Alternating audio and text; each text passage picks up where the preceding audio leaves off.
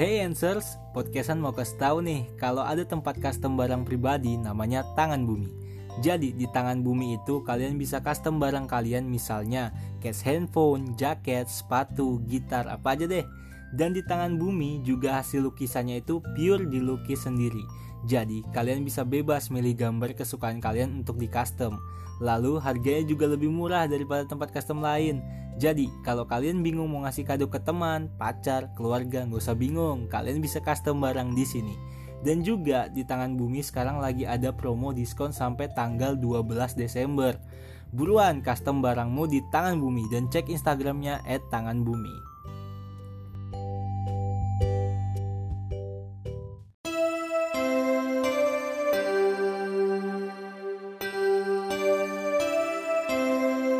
Jam ke-10 telah selesai.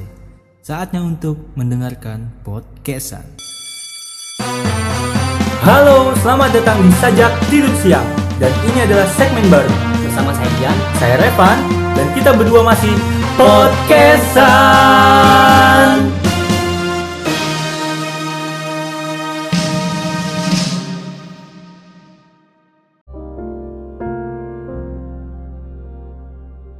Minggu 6 Desember 2020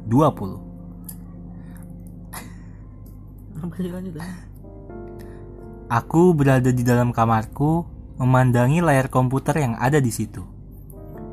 Aku berniat untuk mandi, bukan sembarang mandi, tapi mandi junub. Karena sebelum itu aku melakukan olahraga, lalu aku tertidur dan mimpi basah. Apa aku ceritakan saja mimpiku di sini? Boleh deh.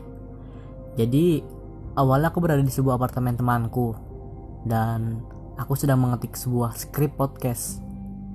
Lalu tiba-tiba temanku berubah wujud menjadi perempuan dan itu membuatku nafsu. Tapi tiba-tiba dia berubah lagi menjadi seekor beruang. Tapi karena aku terlanjur nafsu, ya udahlah aku minta aja.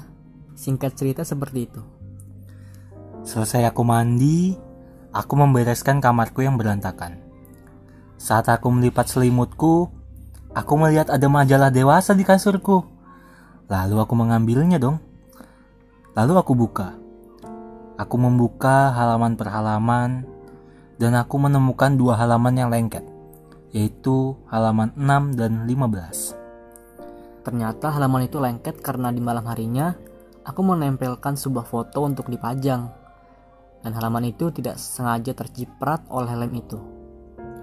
Setelah aku menyimpan majalah itu di lemariku, akhirnya aku selesai membersihkan kamarku.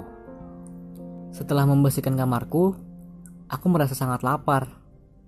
Lalu, aku membakar roti yang ada di meja makanku.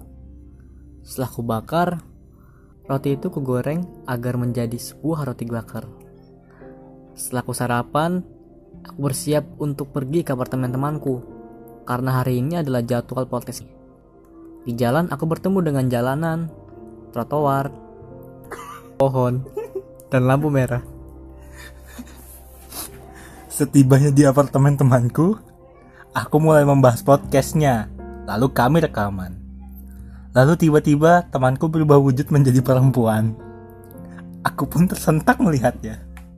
Yang awalnya pria, mengapa dia menjadi perempuan seperti itu? Kemudian tak lama dia berubah lagi menjadi beruang. Aku merasa seperti sudah pernah mengalami hal ini, tapi entah di mana.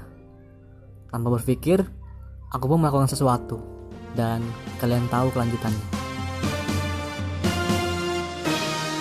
Sampai jumpa di episode selanjutnya.